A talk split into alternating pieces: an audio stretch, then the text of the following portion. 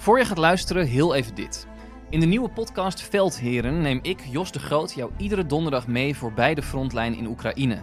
Dat doe ik samen met generaals buitendienst Peter van Um en Mart de Kruif. Zij hebben één duidelijk doel: aan jou uitleggen hoe oorlog werkt. Volg Veldheren in jouw favoriete podcast-app. Dit is De Lange Termijn, een wekelijkse podcast over investeren in aandelen, startups en crypto. Waarin Twan en Jasper jou bijpraten over alles wat er in de markt is gebeurd, hun beste ideeën en hun grootste fouten. Dit is geen financieel advies. Doe dus altijd zelf je eigen onderzoek. En voor inzicht in ons portfolio ga naar delangetermijn.nl. lang over nadenken, maar het is maar een week. Nee, Nee, heb je niks nee, gedaan? niks gedaan. Dat is mooi. We zijn, we zijn al begonnen met de aflevering. Nou, en jij zit nog steeds na te denken of je iets gedaan hebt deze week met je portfolio. het, het was een, mooi, het was een pittige week, of niet voor ons, eh, qua activiteiten en dingetjes. Ja, nou, ja eh, andere activiteiten dan, eh, dan beleggen, ja. Ja, want jij bent het zorgen dat je vermogen op een andere manier groeit. Ik ben geld aan het besparen op een schilder.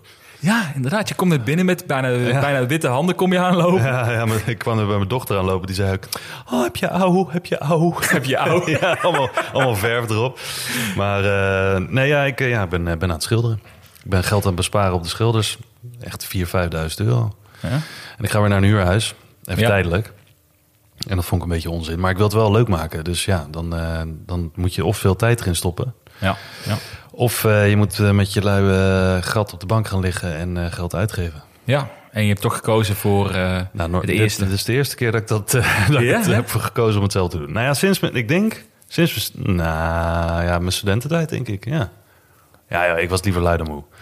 Ja, snap ik wel. En nu, en nu, ben je, wat- nu ben je wat ouder, heb je wat meer vermogen opgebouwd... en nu denk je opeens, ik word Ja. verstandig, ik ga geld sparen voor mijn oude dag. Maar eh, dit, ja, maar dit is, dit is dus wel grappig, hè? Want dit, hier had mijn schoonvader een verhaal over dat vroeger dat er, eh, hè, dan had hij een, een bloemenwijk of zo eh, in het Westland. En dan had je families waarvan je wist dat die rijk waren, en had je families waarvan je wist dat die niet rijk waren. Nou, drie keer raden wie er meer bloemen kochten. Degene die niet rijk waren. Ja, ja, Want die rijke stinkers, die bleven allemaal op hun geld zitten. En ik merk dat nu ook vaker, Mhm. dat ik denk, ja, hier heb ik hard voor gewerkt, vind ik zonde. Ja. Je terwijl, nou ja, als je wat jonger bent of, eh, of, het, eh, of je, het groeit heel snel. Als, als Ja. geld heel snel zou groeien en je hebt niet echt het gevoel dat je er heel veel voor hebt gedaan, dan geef je het makkelijker uit. Dat merk ik. Ja, zeker. Nou, ik denk altijd, mensen zijn rijk geworden door een reden. Ja, Dus sommigen hebben een bedrijf verkocht of wat dan ook. Maar de meeste, de normale de zaakjes, mensen zijn natuurlijk rijk geworden of rijker geworden door gewoon minder uit te geven dan ze binnenkrijgen. En dat verhaal. Ja. Valt me altijd op bij die, ene, bij die ene serie, ik weet niet meer hoe het heet. Dan gaan ze ehm, twee families gaan switchen van elkaar. Van een rijk, eh, rijk Oh, familie, ja. oude fami- eh, arme familie. ja, ik weet wat je bedoelt, ja. Ah, wat is dat? Nou, maakt niet uit. Ja, ik vond die, die, iedereen kent hem waarschijnlijk Ja. wel als we het erover, erover hebben. Het valt mij altijd op, ik, het is wel een flinke aanname, maar het zijn vaak de, de, de armere mensen die dan drie honden rondlopen, 17 katten, Ja. twee parkieten. Die En zeggen, ja, roken. ik- en, ro- en roken, Ja. roken als een, als een malle. Ja. En je hebt de rijkere mensen, heel gechargeerd natuurlijk, die zeggen van nee, ik pas wel even op met geld uitgeven, want dat vind ik zonde. En eh, Ja. natuurlijk één keer een paar jaar een dure vakantie, maar ook dat. Nou, Eh, nee. Ik vind, dat, ik, vind het, trouwens- ik vind dat wel een beetje cringe. Want je hebt in Amerika ook zo'n programma. Nou ja, ik weet niet of dat gekopieerd is hier naartoe. Maar dan, dan, heb, dan geef je dus mensen de kans om te ervaren wat het is. Om, nou, volgens mij was het 1500 euro in een week uit te geven van die rijkere familie. Oh ja, die dat dan door die arme familie laat, eh, of minder bedeelde familie eh, laat spenderen. En ook vaak met kinderen erbij. Ja. En die kinderen die krijgen een soort walhalla te zien. En moeten dan weer terug naar hun normale situatie. Hmm. Oh ja, dat is En waar. vaak gaat dat goed, maar sommige afleveringen, nou, mijn vriendin houdt ervan om te kijken, dus ik kijk wel eens mee, dus die, die zegt dan ook van, ah, dit kan echt niet. Mhm. Weet je wel, die moeten weer gewoon met z'n vier op een kamer slapen, terwijl in die villa waar ze net zaten, konden zich alles doen. Voor het eerst een haar geknipt door een kapper die weet wat hij doet. Ja. Weet je wel, dat soort dingen. Dat, ik vind dat, nou, ja, nou ja, het is voor, eh, het is voor kijken. Voor eerder keer krijgen ze complimenten op de basisschool van wat ziet je haar er leuk uit. Ja. En een maand later wordt het weer mama die gaat knippen. en dan gaat het weer allemaal, eh, Hup, alles eraf. alles weer eraf. Ja, nee, het is eh, zonde. Ehm, hey, wat gaan we allemaal bespreken vandaag? Nou, jij hebt een eh, paar hele mooie eh, lessen en quotes van bekende beleggers weer eh, erbij gepakt. Ja. Want we hadden natuurlijk al een keer een aflevering erover gedaan. Maar er zijn genoeg wijsheden. En zeker in deze tijd waarin eh, toch best wel veel op Twitter gaat over clichés en stap niet te vroeg in. Ja. En alle quotes komen weer vliegen om je oren. Maar er zitten er een hele hoop bij die ook echt wel wat, wat waarde hebben natuurlijk. Ja. Mits je dat wil zien. Dus daar gaan we het even over hebben. Ik vind het sowieso een moeilijke tijd weer op de beurs trouwens. Ja. Was, we gaan zo meteen kijken naar de portfolio's. Maar eh, nou, laten we meteen naar gaan kijken trouwens. Dan kunnen we is makkelijker. Laten we een bruggetje mee maken. Eerst even, voordat we daarover starten. Onze vriend van de show. We hebben eh Sebastiaan hebben we erbij. Dus dat is ontzettend gezellig. Ja. Weer eh, het groepje neemt alsmaar toe. En voor de... Dus welkom allereerst Sebastiaan. En voor de komende week, of komende vrijdag moet ik zeggen... gaan we het hebben over deze turbulente markt. Waar, ik nu, waar we nu ook weer over gaan praten, denk ik. En maar hoe beschermen wij onze portfolio's? Ja. En volgens mij zijn we allebei niet zo'n fan om veel geld op cash te bestaan voor, eh, voor een eh, donkere dag. Maar hoe beschermen ze dan? Ja. Dat is de vraag. Goeie vraag. Goeie vraag. Misschien is het- Moet je voor betalen? Misschien is, ja, moet je voor betalen. Misschien is het de tijd ervoor dat heel veel mensen eraan denken om te gaan beschermen. En ik kan me herinneren dat nou, in de afgelopen jaren, elke keer als er heel veel mensen zeiden: ik moet toch gaan hedgen, dat het dan omdraaide. Ja, man. Dus dat ja. zou goed kunnen. Mijn grootste verlies dit jaar is nog steeds mijn hedge via Ja? Short Arc. Ja, het is gewoon min 15% in een week of twee of zo, geloof ik. Ja, qua percentage, maar niet Percentage. qua. Nee, niet qua absolute Nee, zin. Nee, ik ben niet al in gegaan op het 3x short. Dat, Nee, nee, nee, eh, oké. Kan wel nog steeds. Kan nog steeds. Ik, Ja? ik, ik, ik, nou, ik, ik sluit er niet uit. Nou, Dat, nou, eh. Als toch leuk snel geld willen verliezen dan. Nee, Nog en sneller. Het gaat Verliezen. wel langzaam. Nou, over geldverliezen gesproken. Eh, het, gaat, eh, het draait een beetje om, hè, de laatste twee weken. Ja. Hoe staat Ja. het bij jou? Nou, we nemen dit op dinsdag op en ik zat net voordat ik naar jou toe kwam ook even de beurs te checken, want ik heb het de hele dag niks, niks gecheckt, behalve mijn vingers en, en eh verfmeng eh, toestanden. Maar ehm, ja, de Nasdaq eh, kreeg ook al wat klappen en het duurt lang. Het is lang, lang, wat is lang. Maar ik denk dat in de eerste week dat die daling inzette in begin augustus, dat heel veel mensen nog steeds stonden te roepen van dit is gewoon een korte termijn eh, reactie, correctie, dipje, kopen die hap. Ja. En, eh en marktbreed daalt het gewoon eh, behoorlijk. Weet je wel? Van, van de Apples tot aan de eh Robin Hoods en alles wat er tussenin ligt. Dus ja, het, het, het daalt. Maar, eh, en dan vervolgens zoekt iedereen natuurlijk weer een mooie reden om iets te posten. Mhm. Ja? En dan zie je, ook je over heel- jezelf? Of, eh, Nee, ik niet. Nee, ik heb jij, was, niet. jij was rustig inderdaad. Ja, ik heb niks gepost. Maar eh, dan zie ik wel, eh, gaandeweg, iedereen zoekt dan weer een reden om weer een beetje bullish te worden. Mhm. En dan pakken ze weer al die cijfers erbij van de afgelopen jaren. En dan zeggen ze, nou, de grootste kans dat er iets omdraait... is als we een sterke dip in oktober hebben. De Mhm. eerste week van oktober. En daarna krijgen we nog een e- eindejaarsrally. Ja, Ja. ik weet het niet. nou, ik, precies. Ik, zat, ik heb even de post niet voor, maar ik had iemand aan een post geplaatst met alles wat er nu feitelijk aan de hand is. Met de, de rente die steeds hoog is, inflatie die oploopt, problemen die, er, die nog steeds staan op alle, allerlei verschillende fronten. Eh, nou, de, het, eh, de, de waanzinnige schulden die er, eh, Ja. die er zijn, met name ook in Amerika. Ja, man. Eh, de, de, volgens mij wordt de, de, dat was het volgens mij. Volgens mij geeft in Amerika gemiddeld 60%, nee, van, van iedere paycheck geeft de Amerikaan 60% uit aan huur. Ja.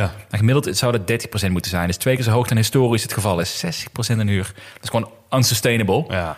En zo Ja. zijn er iets van vijf of zes signalen die erbij stonden. Gewoon puur feitelijk met cijfers. Waarbij ik denk van... Oeps. Ja. Dit Ja. wordt geen leuke tijd misschien. eh, zonder te willen voorspellen wat de koersen gaan doen natuurlijk. Maar, ja, maar moeilijk, kijk, hoor. dat wel, maar je hebt natuurlijk wel vaker van dit soort tijden gehad. En je hebt ook wel tijden gehad die anders waren, maar net zo dringend, zeg maar. Maar ik vind dat ik heb een beetje moeite vaak met heel veel mensen die dan ook staatjes en grafieken op ehm, Twitter zetten in dit geval. En ook mensen die echt wel wat weten. Maar die, die doen het echt overduidelijk voor de engagement. Want die trekken dan bijvoorbeeld gewoon eens een staatje van... oké, eh, eh, totaal aantal schulden... of de totale som aan schulden van Amerikanen... is nog nooit zo hoog geweest. Ja, ja. Ja, fair enough. Maar zet daar even tegenover, hè, tegen wat ze dat hebben gefinancierd. Mhm. Want heel veel schulden zijn in een tijd aangegaan waarin de rente heel laag was. Nou, wanneer loopt die af? Dat is misschien belangrijker dan Ja, ja. waar we op dit moment op staan. Dus dat zegt niks over, hè, als ik torenhoge schulden heb nu, maar dat heb ik gefinancierd tegen 1% rente.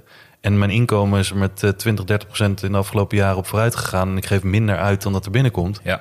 Waarom zou dat een probleem zijn? Nee, klopt. En dat precies, exact. En dat vind ik dus lastig, want dan moet je echt gaan doorgronden Ja. wat er macro aan de hand is. En nou, dat, dat ga, ik ga dat nooit kunnen doorgronden. Ik ga nooit kunnen begrijpen tot de kern wat er aan de hand is. Nee, en lees je, ja. Sorry, wil je? Nee, nee, nee, maar en, en daarom denk ik dus ook dat het, dat, dat zo makkelijk engagement krijgt. Mhm. Omdat heel veel mensen scrollen gewoon als een gek en zien heel veel van dat soort staatjes. Ja. En zien iets waarvan ze denken dat dat slimmer, intellectueler is dan dat zij zelf kunnen uitzoeken. Ze schrikken ervan, denken, ah, dat heeft iemand uitgezocht, die zal het wel weten. Mhm. Maar dat is te simpel. Want je moet echt gewoon meer dan dat gaan bekijken. En gelukkig zijn er ook mensen die dat soort hele eh, dingen niet uit zijn verband trekken, maar echt onder elkaar zetten en laten zien van oké, is dit nou serieus? Ja, het is wel serieus, maar dit is al twintig keer voorgekomen in de geschiedenis, bla bla bla. Dit waren de omstandigheden. Maar ja, dat er alarmbellen zijn, dat Ja. is wel heel duidelijk. Ja. Ik bedoel, eh, eh, ja, maar goed. Aan de andere kant, er zeggen ook genoeg mensen... als er heel veel alarmbellen zijn... eh, dan moet er ook een soort reddingsboei komen. Ja, ja. Ehm, de vraag is wanneer, hoe groot en hoe snel het dan gaat omdraaien. Ja, kan, kan lang duren. Maar voorlopig blijft het dalen en ik heb er ook last van. Want mijn portfolio staat nu, al zou je zeggen van... joh, waar maak jij je druk om? Dat doe ik ook niet. Daarom sta ik met mijn hand in de verf. Nee, ik wil Maar- zeggen, ja, hey, ik durf geen geld meer uit te geven in deze fase. Nee, maar ik sta op eh 23,6 procent. Ehm, en nog steeds het scenario wat ik aan het begin van het jaar zei... wat mij het minst gunstig leek, Mhm. dat speelt zich af nu. Dus ja, nou ja. Dus, maar ben je dan, dan de, la- je bent wel nog steeds een koper geweest, toch? De laatste maanden. Gewoon regulier inleg. Je hebt niet lopen oppotten het laatste half jaar, toch? Of nee, ik heb, niet, ik heb niet lopen oppotten, maar ik, ik ben wel wat conservatiever eh, geworden. hè. Omdat, en niet omdat ik conservatiever ben omdat ik dacht dat het de verkeerde kant op ging. Maar Mhm. meer omdat ik con- conservatiever ben geworden omdat mijn allocaties waren redelijk gevuld. Mhm. En ik heb nou eenmaal de regel voor mezelf om bepaalde dingen pas te doen als er bij mij een conditie eh, aan voldaan wordt. Zoals bijvoorbeeld iets wat 2,5% heeft, als het onder de 2% relatief in mijn portfolio komt, dan Mhm. koop ik bij. Maar op dit moment hangt alles een beetje Ja, ja. eh, eh, half-half. En eh, blok. eh, Die krijgt er van langs, hoor. Ja, trouwens, dat op is alle. Dat is niet normaal. Oké, dit, dit vind ik wel heel leuk. Ik las namelijk van... Jij bent een gepokt en gemazelde belegger. Blok heb jij een hoge conviction in. Dat, dat. Ja. hè, heb je al, al eh, jaren spreek je, dat, spreek je dat uit. Ik merk nu bij Blok specifiek dat dat nu echt klappen van alle kanten krijgt. Ja. Er zit, dat is echt optimum bearish eh, eh, sentiment momenteel. Met de CEO kan er geen kloten van. Loopt achter PayPal en Adyen zijn veel interessanter dan Blok. Nou, je hebt al die argumenten wel gehoord. Ja. Hoe ga je daar nu mee om? Heb je, heeft dat impact ook hoe jij nu naar het aandeel kijkt? Nu de koers die dalen en al die berichten daaromheen? Of snuit je daar eigenlijk volledig vanaf? Nou, koersdaling doet me niet zoveel in die zin. Eh, of nou, niet zoveel. Dat is ook overdreven natuurlijk om te zeggen. Of niet helemaal eerlijk. Maar ehm, voor de lange termijn maak ik me daar niet zo druk om. Ehm, maar ik, ik vind het logisch dat Blok eh, nu klappen krijgt. En dat zijn meer bedrijven die in dat segment zitten natuurlijk. Hè. Ja. Veel fintech bijvoorbeeld krijgt, krijgt echt op zijn flikker nu. Ehm, maar eh, en, terwijl heel veel van die aandelen al 70, 80 procent waren gedaald... krijgen ze nu nog een keer op een flikker. Maar die, die hebben natuurlijk ook best wel een enorme run-up gehad. Ja. eh, aan het begin van het jaar of de eerste zes maanden. Maar ja, in het specif- specifiek geval van Blok... crypto ligt op zijn gat. Ja. Ja. Ehm, nou, da- daar, Bitcoin in dit geval investeren zij ook eh, hevig in. Ehm, als je merkt dat met de Cash App bijvoorbeeld, eh, daar beginnen toch ook al wat eh, dingetjes mee te komen. Ze hebben heel veel auditjes gehad, Hmm. de Cash App, waarvan waar mensen helemaal van over de zijk waren. Echt, nou ja, om miljoenen mensen. Ehm, en de, het hoofd van Square. Dus dat valt ook onder blok. Mhm. Weet je wel, die merchant eh, de toepassingen. Eh, die is ook opgestapt. Hmm. Ja. Dus, en eh, Jack Dorsey is daar nu op ingesprongen van... oké, dan leid ik het voorlopig. Ehm, dus ja, er is wat onzekerheid. Ik denk meer onzekerheid bij Blok nu... dan dat eigenlijk normaal gesproken in een nou ja, standaard down market het geval zou zijn. Maar heeft dat ook dan invloed op jouw redenen om een blok te zitten? Ik bedoel, niet dat je volledig gaat uitstappen, maar denk je wel nog steeds van dit is een overreactie, je komt nog steeds gestaag bij, want je positie wordt natuurlijk relatief Nou, kleiner nu. eh, eh, toen dat nieuws naar buiten kwam van dat het hoofd wegging van Square, Mm. eh, die er al negen jaar zat volgens mij, ehm, die het ook echt wel gewoon enorm op de kaart heeft gezet en heeft laten groeien. Ja, dan, dan gaat er bij mij wel even een soort vinkje achter. Oké, eh, niet zomaar meer toevoegen. Mhm. Ehm, en gewoon even afwachten wat, wat de beslissing wordt. Komt er een nieuw iemand voor in de plaats? Weet je wel, dat is altijd, ik vind dat altijd een beetje listig, met, ook met CEO-wissels en zo. Ja, We ja, ja. hebben natuurlijk ook bij, eh, wat is het, PayPal gezien? ja. Die aankondiging dat er een nieuw CEO kwam, want die oude was redelijk eh, uitgeblust. Mhm. Ja, dat is ook maar de vraag wie dat dan wordt, wat hij gaat doen, wat de plannen zijn en of hij zijn strepen in de eerste earnings call gaat verdienen met een forecast en dat soort dingen. Dus Mhm. Ja, dat is even afwachten. Dus ik ben in die zin eh, niet zenuwachtig, maar wel iets voorzichtiger. Ja, op die manier. Dag. Ja. Ja. ja, klinkt wel logisch. Ja, ik, ik kan het me voorstellen met al die berichten daaromheen. Maar Ja. dan, dan moet je natuurlijk goed kunnen inschatten wat er nou terecht in is en wat niet. Dus Ja. dat, eh, Ik vind het nog steeds een tof bedrijf. ja, nou ja, ja, dat is de reden waarom je nog steeds erin zit, gelukkig. Ja. Ja, ik zit zelf... ehm, eh, ik zit nu op een all-time low. Zit ik nu in mijn portfolio. Echt? Ja, all-time low aangetikt. Want ik had... Een nieuw record. Eh, De team, eh, team donkerrode cijfers gaan we binnenkort noemen ook. Paarse is, cijfers ja, de tandjes. Nee, ik sta nu op min 25,4% voor dit jaar. Dus eh, laten, we, laten we niet zeggen wat de laatste drie jaar in totaal geweest is. Niet best, Nee. in ieder geval. En het is... ehm, maar goed, we blijven lekker doorgaan. Daar hebben we straks ook wat lessen erover. Maar, hm? Ga je nu in Shell eh, gewoon weer beleggen of niet? Shell. Shell, ASR, dat soort dingen.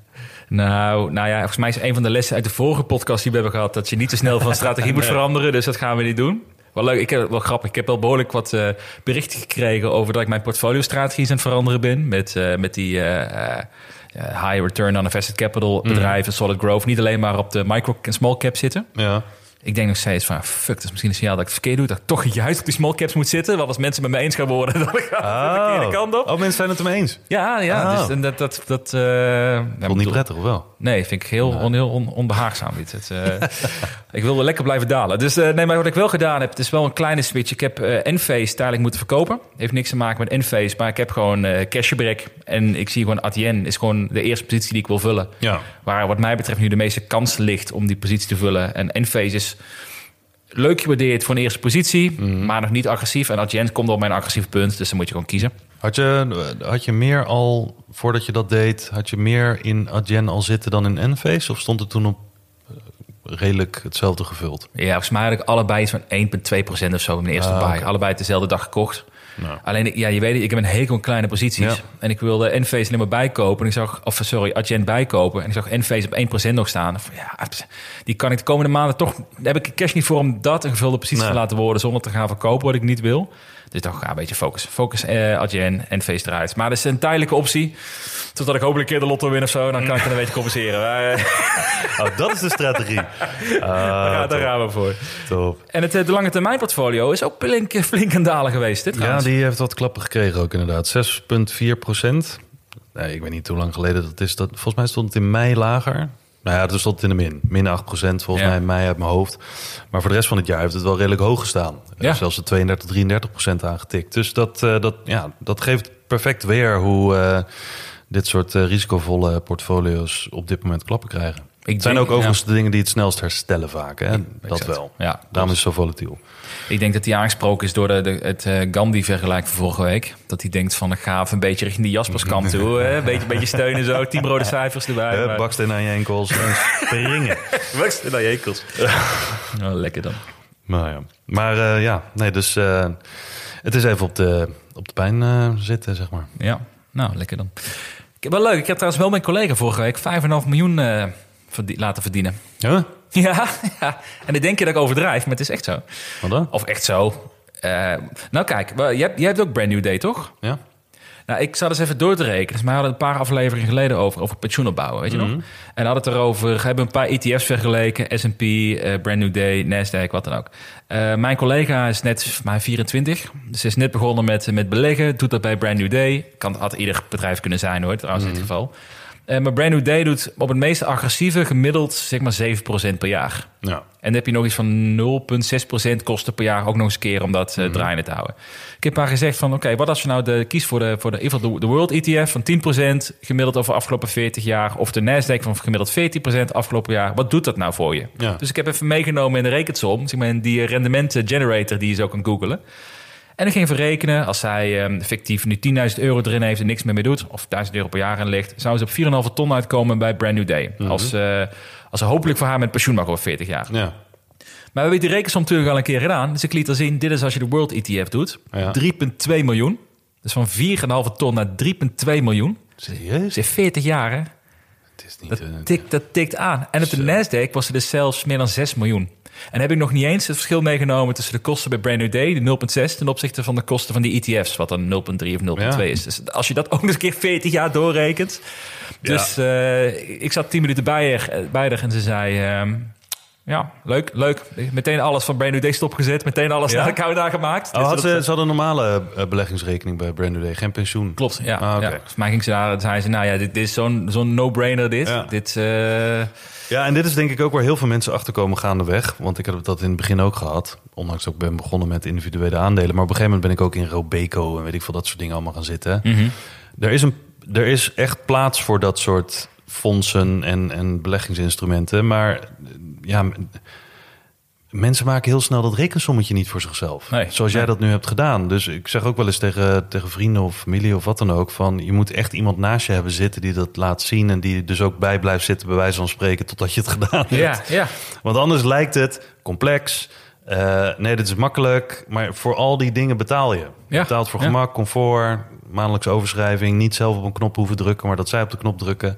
Ja, en dat maal 40 jaar. Kijk, voor twee, drie jaar maakt het echt geen fluit Nee, uit. Maar alles wat eh compound, dat kan ook de verkeerde kant op compounden. Ja, maar ik heb het gevoel dat nog steeds veel mensen, niet, niet de mensen die hier naar luisteren natuurlijk in jij ik, maar gewoon een gemiddelde Nederlander die iets wil met zijn spaargeld, Ja, gewoon het heel, nog steeds heel spannend vindt om zelf een beleggingsrekening te openen, zelf te moeten kiezen waar je in investeert. Ja. Ik snap het, ik wist het ook niet de eerste drie maanden. Nee. Van, van hoe, hoe werkt het nou, welke ETF moet ik kopen en wat niet. Maar ik, ik denk van daar moet toch iets veel beter, nou, daar moet er iets voor te vinden zijn. Dat dit soort mensen niet meer de- zo'n ja, onnodige keuze maken, zou je bijna denken. Want Ja. het is niet ingewikkeld natuurlijk. ja, en dan gaat het verdienmodel natuurlijk ook van heel veel van die fondsen... gaat ook wel moeilijker worden. hè? Als Ja, heel veel mooi. mensen zouden... Weten- agressiever, ja. ja, precies. Dus, maar ja, zelfverantwoordelijkheid nemen kost natuurlijk ook ehm, ehm, soms pijn. ja, ja, dat Want, klopt. Ja, dan, dan kan je zelf de fouten maken. Terwijl nu kan je iemand anders de schuld geven. Dat klopt. Je, je en ik denk dat ja. sommige mensen daar ook wel iets onbewust in zien. Ja, je koopt, je koopt eigenlijk je eigen verantwoordelijkheidsgevoel af, Ja. eigenlijk. Hè? Ja, Nee, dat is ook zo. Niet over nadenken, iemand doet het voor je en precies. power to them in die zin. Maar ik, ja, ik, ik hoop dat mensen die nog naar luisteren denken van... ja, ik ken iemand die ook bij een beleggersbank zit... die misschien in die situatie zit eh, en je kan ze helpen ermee. Misschien is dat best wel de, de moeite waard. Zeker bij jonge mensen zoals eh je collega. En vanaf volgende week wordt deze podcast gesponsord door... een nieuwe sponsor. ja, nou, dan moeten we toch maar een keer gal en gal bellen... of ze ons niet willen sponsoren voor die Ja, dat is tijd. de enige hoop die we eh, hebben. Dan kunnen we gewoon weer een bank belachelijk maken. Ehm, we gaan wijze lessen delen. ja, En dit is eigenlijk een vervolg op een eh, campagne, of campagne, op een, eh, een podcast die we een paar maanden geleden gedaan hebben met de beste lessen van wereldse investeerders. Mhm. Wijze lessen van werelds beste investeerders, zo moet ik het zeggen. Mhm. Die was ook best wel populair. Het is natuurlijk ook leuk, ik denk om af en toe een beetje geïnspireerd te worden door anderen. En ik heb er ook weer bewust gekeken naar wat uitspraken die relevant zijn voor nu. Dus ook een beetje met, met sentiment te maken hebben, geduld bewaren, dat soort aspecten. En niet de buy high, sell low eh, verhalen. Die, eh, of andersom, ja, ik doe buy high, sell low. Ik weet niet hoe de rest het doet, maar eh, de meeste mensen toch? dat had zo mijn quote kunnen zijn. Ehm, Hang boven je bed. ja. Oh nee, wij moeten eigenlijk een soort... Dat wil ik hebben. Als ik jarig ben, dan ga ik een keer zo'n zo'n zo'n zo'n tegeltje aan de muur vragen. Iets met, iets met, met, met eh, falling daggers of falling knives eh, verhaal. Ah. Bloedende handen, daar moet ik iets mee, mee vinden. Nou, dan wil ik die van eh dode koeien moet ik niet melken. Die was ook lekker, ja. Hey, ehm, wat ik wil doen, ik, ga, ik heb er vijf, vijf verschillende. Ik wil ze opnoemen en ik ben ook heel benieuwd per uitspraak wat jouw gevoel daarbij is. Want ik denk- dat het wel situaties zijn waar jij ook wel herkent, misschien zelf een keer meegemaakt hebt. Dus dan eh hou het interactief. Ja, Een beetje leuk, een beetje lessen leren zo, een beetje van opsteken. ja. Ja, Ik mooi. voel, ik voel helemaal niks. Nee, duidelijk al. De eerste vind ik een leuke. Die is van een van mijn favoriete beleggers. Dat is eh, Howard Marks. Daar eh, leer ik ontzettend veel van als het gaat om risicomanagement. Een les die ik wel eerder maar had mogen leren. Had me veel kopzorgen gespaard. Ehm, maar de, zijn uitspraak is, is te ver vooruit zijn op je tijd... is niet te onderscheiden van verkeerd zijn. En ik vond het een hele goeie. Dus eigenlijk wat hij daarmee zegt is dat je... Is de fout die ik zelf heel erg herken. En misschien, ik weet niet of jij dat ook herkent bij jezelf van vroeger misschien. Maar dat je... We kijken soms wel eens naar, naar een, een aandeel, naar, een- naar een markt. En ik denk, poef, dat wordt de toekomst. Ja. Hè? 3D-printing, eh, vliegende auto's, het EVTOL-verhaal, eh, quantum computing. Ik denk, ah man, dat wordt de toekomst. Die markt groeit gigantisch, daar moet ik nu in investeren. Ja. Maar het duurt dan misschien nog 10, 15 jaar voordat er een volledige markt is. En tot die tijd is, heb je waarschijnlijk je investering geen snars waard meer. Nee. Dus eigenlijk zijn, zijn manier is van ja, het is hartstikke leuk en aardig. Maar ook als het gaat, of met name denk ik als het gaat om, eh, om trends, technologische trends, innovaties die je ziet. Dan is timing misschien nog, nog belangrijker dan het geval bij bestaande markten die heel groot zijn. Ja. Is dat iets wat je kent? Nou ja, ik moet ook gelijk denken aan die, die quote van eh, Bill Gates. Ik weet niet of Bill Gates dat heeft gezegd, maar die zie ik vaak voorbij komen van hè, we onderschatten wat we kunnen eh, doen in een jaar. Nou, nou, wat is het? Nee, we overschatten. We, we- ja, we overschatten Nee, korte draai- termijn en onderschatten de lange termijn. Ja, maar De, de, de afgeleide daarvan is, is dat je altijd overschat wat er gebeurt in tien jaar. eh, als je vooruit plant. Omdat Ja, precies wat jij zegt, eh, of je na 10 of 20 of 50 jaar, het kan net zo goed 100 jaar zijn. Ja. Het is te ver in de. Mensen denken dat inderdaad, en dat zie je ook in films. De, hè, met de Jetsons, inderdaad, dat soort Oh, dingen. Dat mensen ja, zeiden ja. van, joh, tegen 2020, dan vliegen we allemaal eh, en dat soort dingen rond eh, door de sky. Ja, dat is gewoon niet zo. Het gaat een stuk langzamer. En ik heb best wel vaak gehad dat ik door dat soort dingen geprikkeld werd. Mhm. Ook, met, ook met blockchain en eh, AI en weet ik veel wat. Ja, maar ook ja. vroeger met, met heel veel dingen die, eh, die toen al gingen over de virtuele wereld. Bijvoorbeeld VR.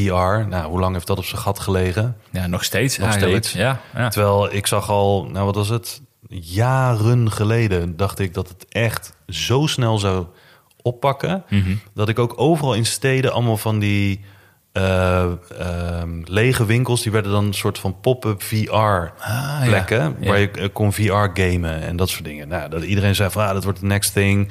Kwamen ook al wat bepaalde crowdfunding sites van hè, wil je dit crowdfunden, want dit gaat het volgende hot item worden.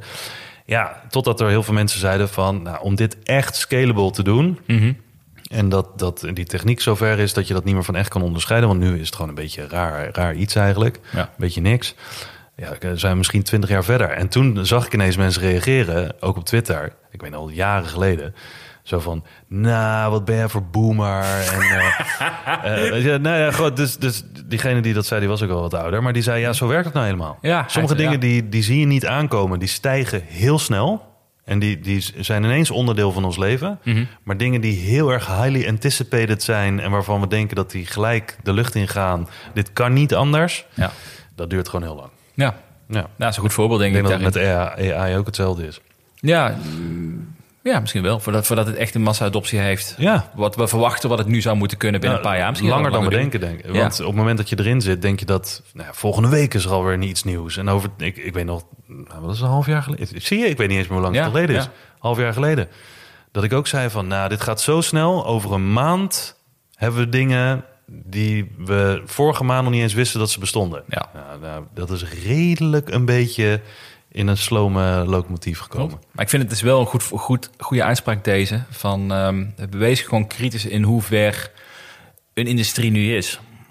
En Ja. vertrouw niet alleen maar op de mooie cijfers. Ik spreek vooral mezelf ben ik bij jou. En ik heb die fout vaak genoeg gemaakt. Maar het is niet erg om even te wachten totdat die adoptie er is.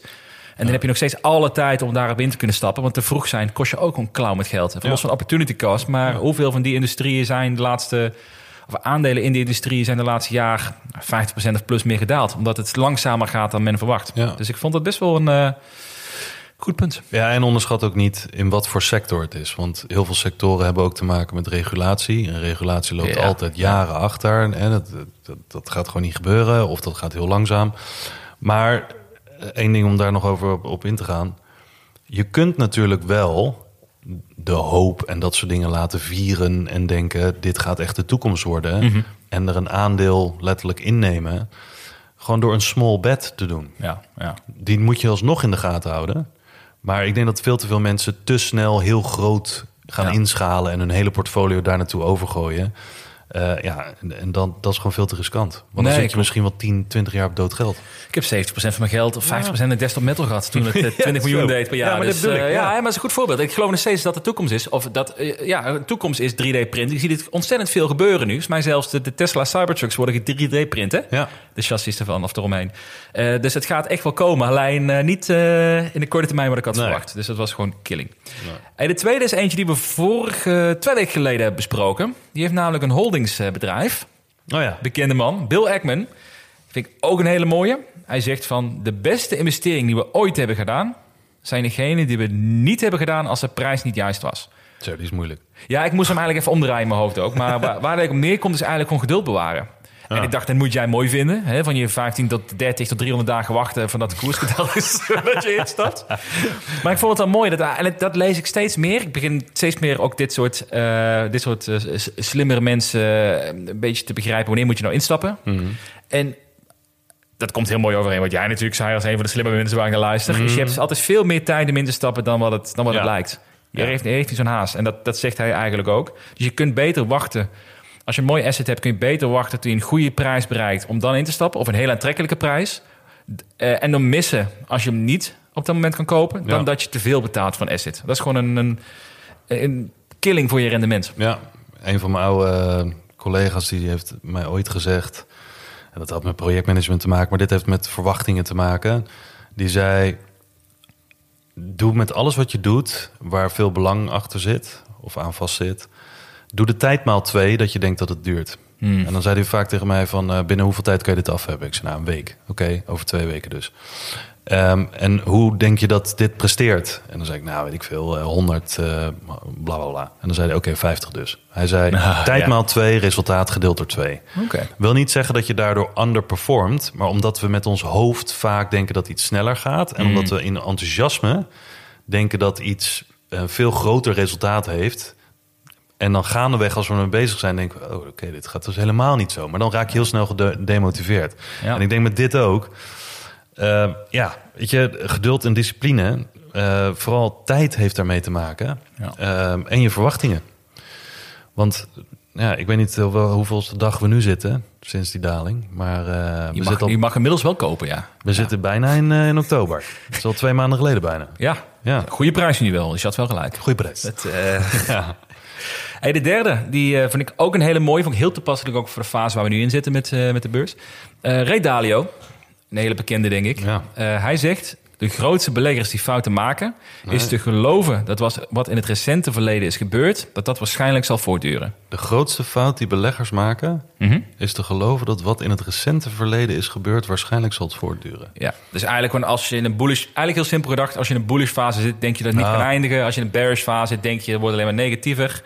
Eh, en hij zegt eigenlijk, wat hij daarmee bedoelt... is dat je op moet passen met je vooringenomenheid. Dat je denkt, ik- het is zo geweest, dus het gaat altijd gebeuren. Ja. Misschien ook wel een voorbeeld is met die corona-daling die we hebben meegemaakt.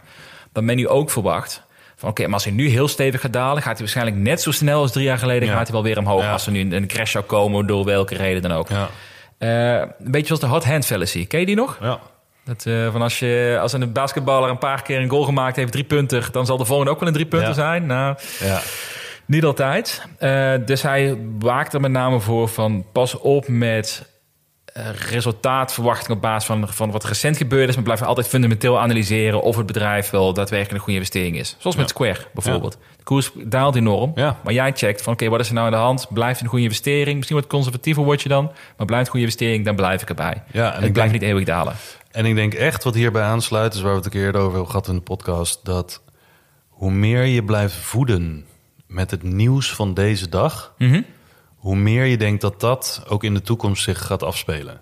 Ja. Want als je, ze zeggen ook vaak, hè, hoe vaker je iets erin ramt in je, in je hoofd, of het nou een goede gewoonte is of slechte gewoonte, of negatief nieuws, positief nieuws, maakt niet uit. Hoe vaker je het herhaalt, kracht van herhaling, hoe meer je erin gaat geloven.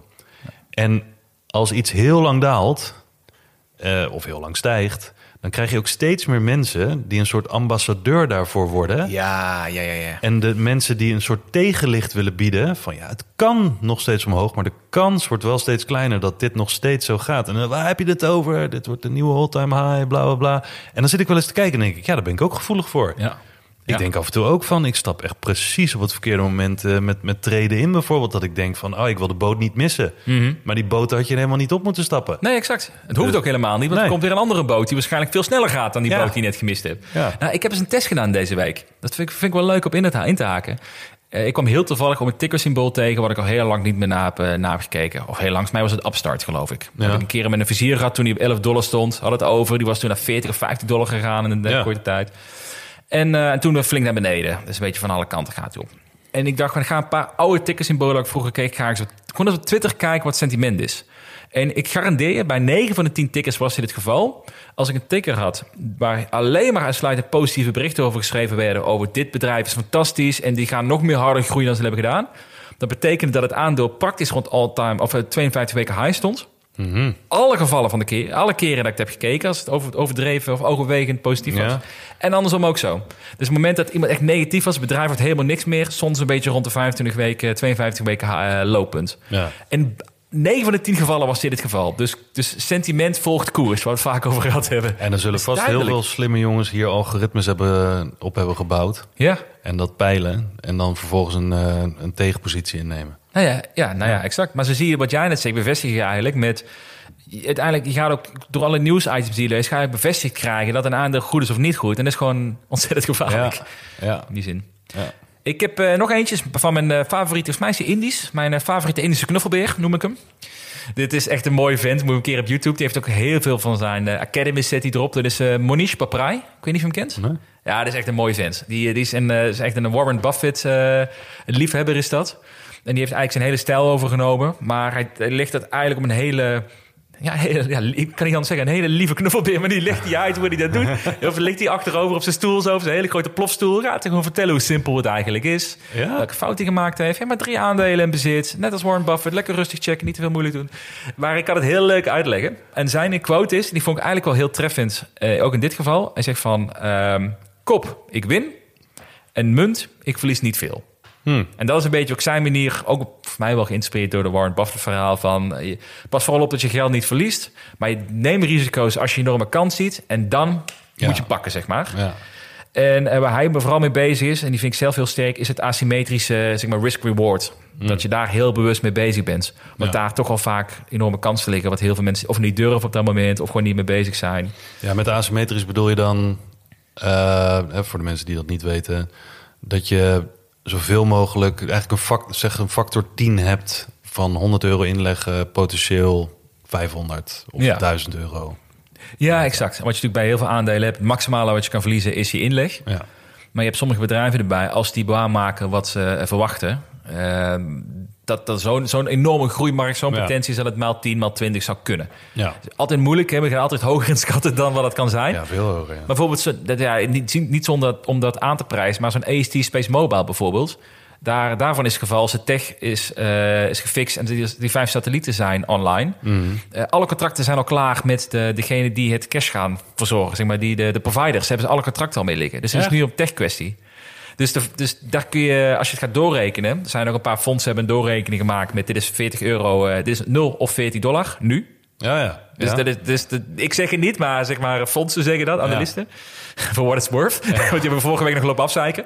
Ehm, maar dat is een typisch voorbeeld van een asymmetrisch eh, Ja. risico. Waar nog steeds een kans, laten we zeggen 70, 80 procent is dat die gewoon faalt. Want als er iets misgaat, die kringen zijn een miljoenen waarde op staat te lanceren, ben je ook gewoon te zaak. ja.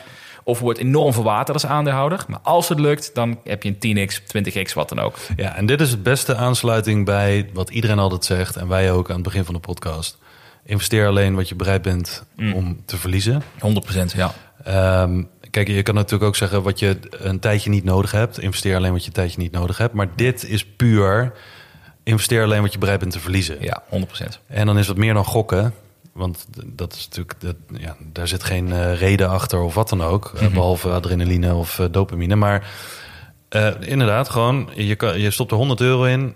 Je maximale verlies is 100 euro. Maar je potentieel om te winnen, Ja. als het slaagt, Ja, is bijvoorbeeld 10.000 euro. ja maar iets. precies. Ja. En dat is een beetje hoe de VC's werken. Hè? 100 Ja. bets. Moet je, eigenlijk moet je ook met een heel breed portfolio werken als je dit goed zou willen doen. 100 bets. En als de ene van slaagt van die 100, heb je al je geld eruit.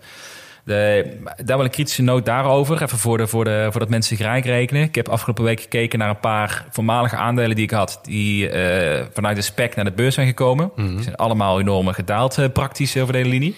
Er was eentje, die heette Momentus. Heel mooi verhaal destijds. Die zou, zij zouden namelijk eh, bedrijven helpen die satellieten lanceren... om die satelliet op de juiste plek te krijgen in de ruimte. Nou, heel mooi verhaal. Ik snap er geen snars van natuurlijk. Ik ben totaal geen raketkundige of wat dan ook. Maar het klonk heel vet. ja. En eh, dat aandeel is 99,9% gedaald. Oh, komt wel goed. Dus die moet een... Nee, die moet een... eh, nou, niet eens een 100x. Die moet een 1000x moet die maken om nog eh, goed te komen. Dus dat geld is gewoon kwijt. Dus je kunt echt... Dit was ook zo'n asymmetrisch bed. Je kunt echt gewoon 100% van geld kwijtraken. Dus eh, Bizar. die is nog 5 miljoen waard. Het was 1 miljard plus of zo op een gegeven Ja. moment. Ja, heel veel crypto's hebben ook dat, eh, dat verhaal natuurlijk. Hè? Ja, ik, ook En nog steeds denken mensen, ja, ik sta op 99,8% verlies. Maar En een 100x? als het lukt, Ja. heb je dan uitgerekend hoeveel dat moet zijn dan? Nee, dat niet, maar kom wel goed. En dan gaan ze ook uitrekenen en zien ze dat uiteindelijk de market cap van die munt hoger is dan bitcoin. Ja, Ja. maar dit wordt ook de nieuwe bitcoin. Ja. Oké, eh kijk ja, verhalen, verhalen. Ja. En de laatste, die is, ehm, vond ik ook wel een hele mooie. En ik, deze raakt mij intrinsiek ook wel een klein beetje. Met een klein beetje frustratie, maar ook een klein beetje van, dan moet ik meer leren. Dat is eh, Philip Fisher, wordt ook vaak toegeschreven aan Benjamin Graham. Maar volgens mij is het Philip Fisher. Die zegt, de aandelenmarkt zit vol met mensen die de prijs van alles kennen, maar de waarde van niets. Ja. Oftewel, we, we kijken naar de prijs, we denken een aandeel is eh, fantastisch, want de prijs stijgt. Maar we hebben geen, vaak geen flauw idee wat dan de waarde van het bedrijf is wat het Nee. vertegenwoordigt. En we denken dat het weten, maar het valt allemaal eigenlijk eh, bij heel veel beleggers, dat merk ik op Twitter ook, dat ze zeggen, ja, de koers gedaald, wat een kutbedrijf. Ja. Zeg, ja, maar heb je gezien dat ze meer cash in het bedrijf hebben zitten dan de market cap en dat ze, nou ja, whatever reden. Dus ik, waar haal je het dan vandaan dat het een waardeloos bedrijf is? Dat het een slechte investering is? Ja, maar kijk naar de koers. Die is eh, 50% gedaald de laatste maand. Het is gewoon een waardeloos bedrijf. Iedereen stapt Ja, eruit. Dit. Oké, ja. goed verhaal, man. Maar goed, ja, dus als je dat soort dingen wel ziet, als je echt duidelijk het verschil ziet tussen koers of prijs eh, versus de waarde, dan, ja, dan, dan, kan, dan kan je er wat mee. Versus alle mensen die, eh, die het andersom zien. Maar volgens mij heeft Charlie Munger hier ook, ook mooi over gehad. Die zei op een gegeven moment, wat zei hij nou? Eh, mensen denken dat ze. Mensen focussen zich alleen maar op aandelen. Hm. Als in, eh, ik beleg in aandelen. Maar hij zegt, je belegt in een. Of je neemt een aandeel in een bedrijf. Ja, exact. Zo is Ja. En dan moet je dus wel, waar neem je dan een aandeel in? Nou, in de hele balans, in het eh, people management, de forward vision, alles. In plaats van, ik koop dit aandeel, want het is een koers dit. Mhm. En ik hoop dat ik op koers 100 kan uitstappen. Dan ben je aan het speculeren. Ja, exact. Dan weet je niks van dat bedrijf. Ja, En ik denk dat meer mensen dat doen dan, dan echt gewoon echt naar de bedrijven kijken. helemaal eens. En volgens mij, ik heb ook idee dat mensen elkaar een beetje gek maken. Want ik hoor zo vaak, met name als ik met beleggers erover praat... eh, en ik laat bijvoorbeeld zien, een aandeel is voor mij 60% gedaald. Ja, zo'n eh, zo'n eh, waardeloos bedrijf ook. Zeg ik, nee, ik, ja, ik heb een waardeloos resultaat op dit moment. En misschien was mijn instapmoment verkeerd, maar we, we zijn er nog niet klaar mee. Maar ik kan je vertellen hoe het bedrijf gegroeid is achter de schermen. Ja. Ehm, ja, maar dat maakt allemaal niet uit, want de koers is zoveel gedaald. Je wilt toch geld verdienen met beleggen, zeggen ze dan? Ja, natuurlijk, maar Op de lange termijn. Ja. het is toch niet dat het nu meteen... eh, klaar. Maar goed, dat is misschien een ander, ander, eh, ander punt.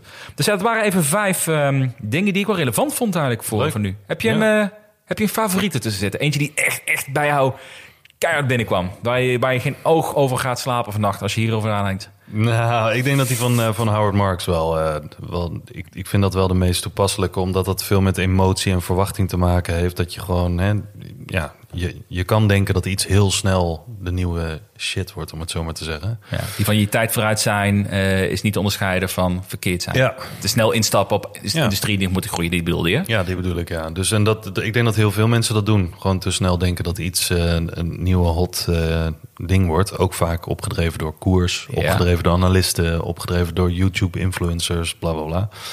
Ehm, en dan denken van, nou, dat is onontkoombaar dat dit de komende tien jaar alles gaat domineren. Ja. Eh, en het zou best kunnen, maar misschien duurt het nog 50 jaar. Leef je dan nog?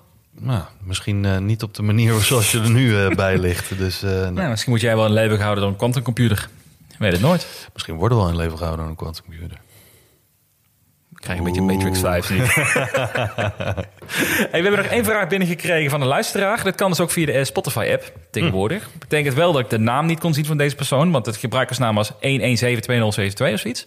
Oh, dat was... eh, Dat, eh, ik weet niet of het Henk of Ingrid is, maar het is eh, iemand... maar nogmaals, dank je voor je vraag natuurlijk. Alleen, ik, ik hoop dat dit een vraag is die jij kan beantwoorden. Want ik zit iets minder in de ETF's. Maar hij zegt, of, of zij... Van, eh, bij een keuze voor fonds of ETF's zijn er jaarlijks beheerskosten en de totale expense ratio waar je naar kan kijken. Maar wat is het verschil en naar welke kosten moet ik kijken om te vergelijken? Ja, kijk, dit vind ik lastig omdat... Kijk maar eens naar alle brokers. Nee, niet dat iemand naar alle brokers gaat kijken, maar...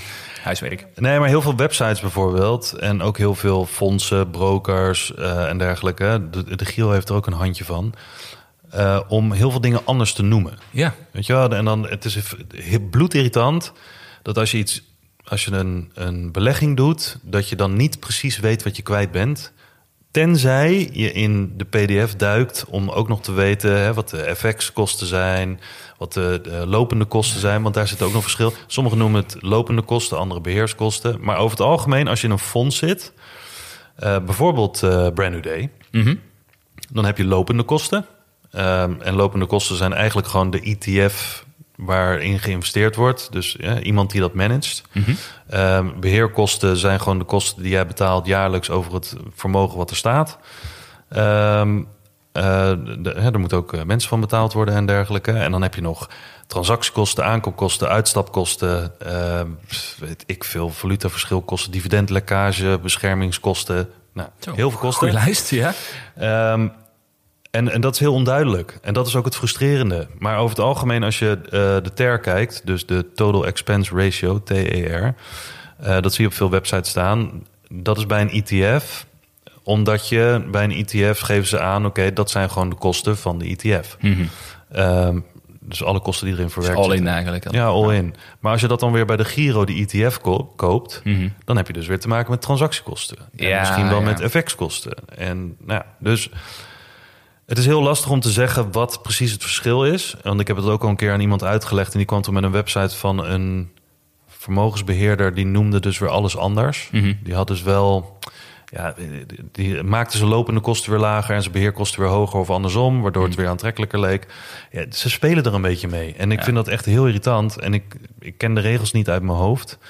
Ehm, of dat mag, of weet ik veel wat. Dat, dat, dat gaat natuurlijk ook niet zomaar als cowboys. Maar ja, het enige wat je kan doen is gewoon eh, letterlijk overal eh, op elke website, bij elke broker heb je gewoon duidelijk de kosten staan. Maar je moet wel even scrollen. Mhm. Van als je dit koopt. En dan vervolgens wat ik altijd doe, zeker bij een nieuw broker.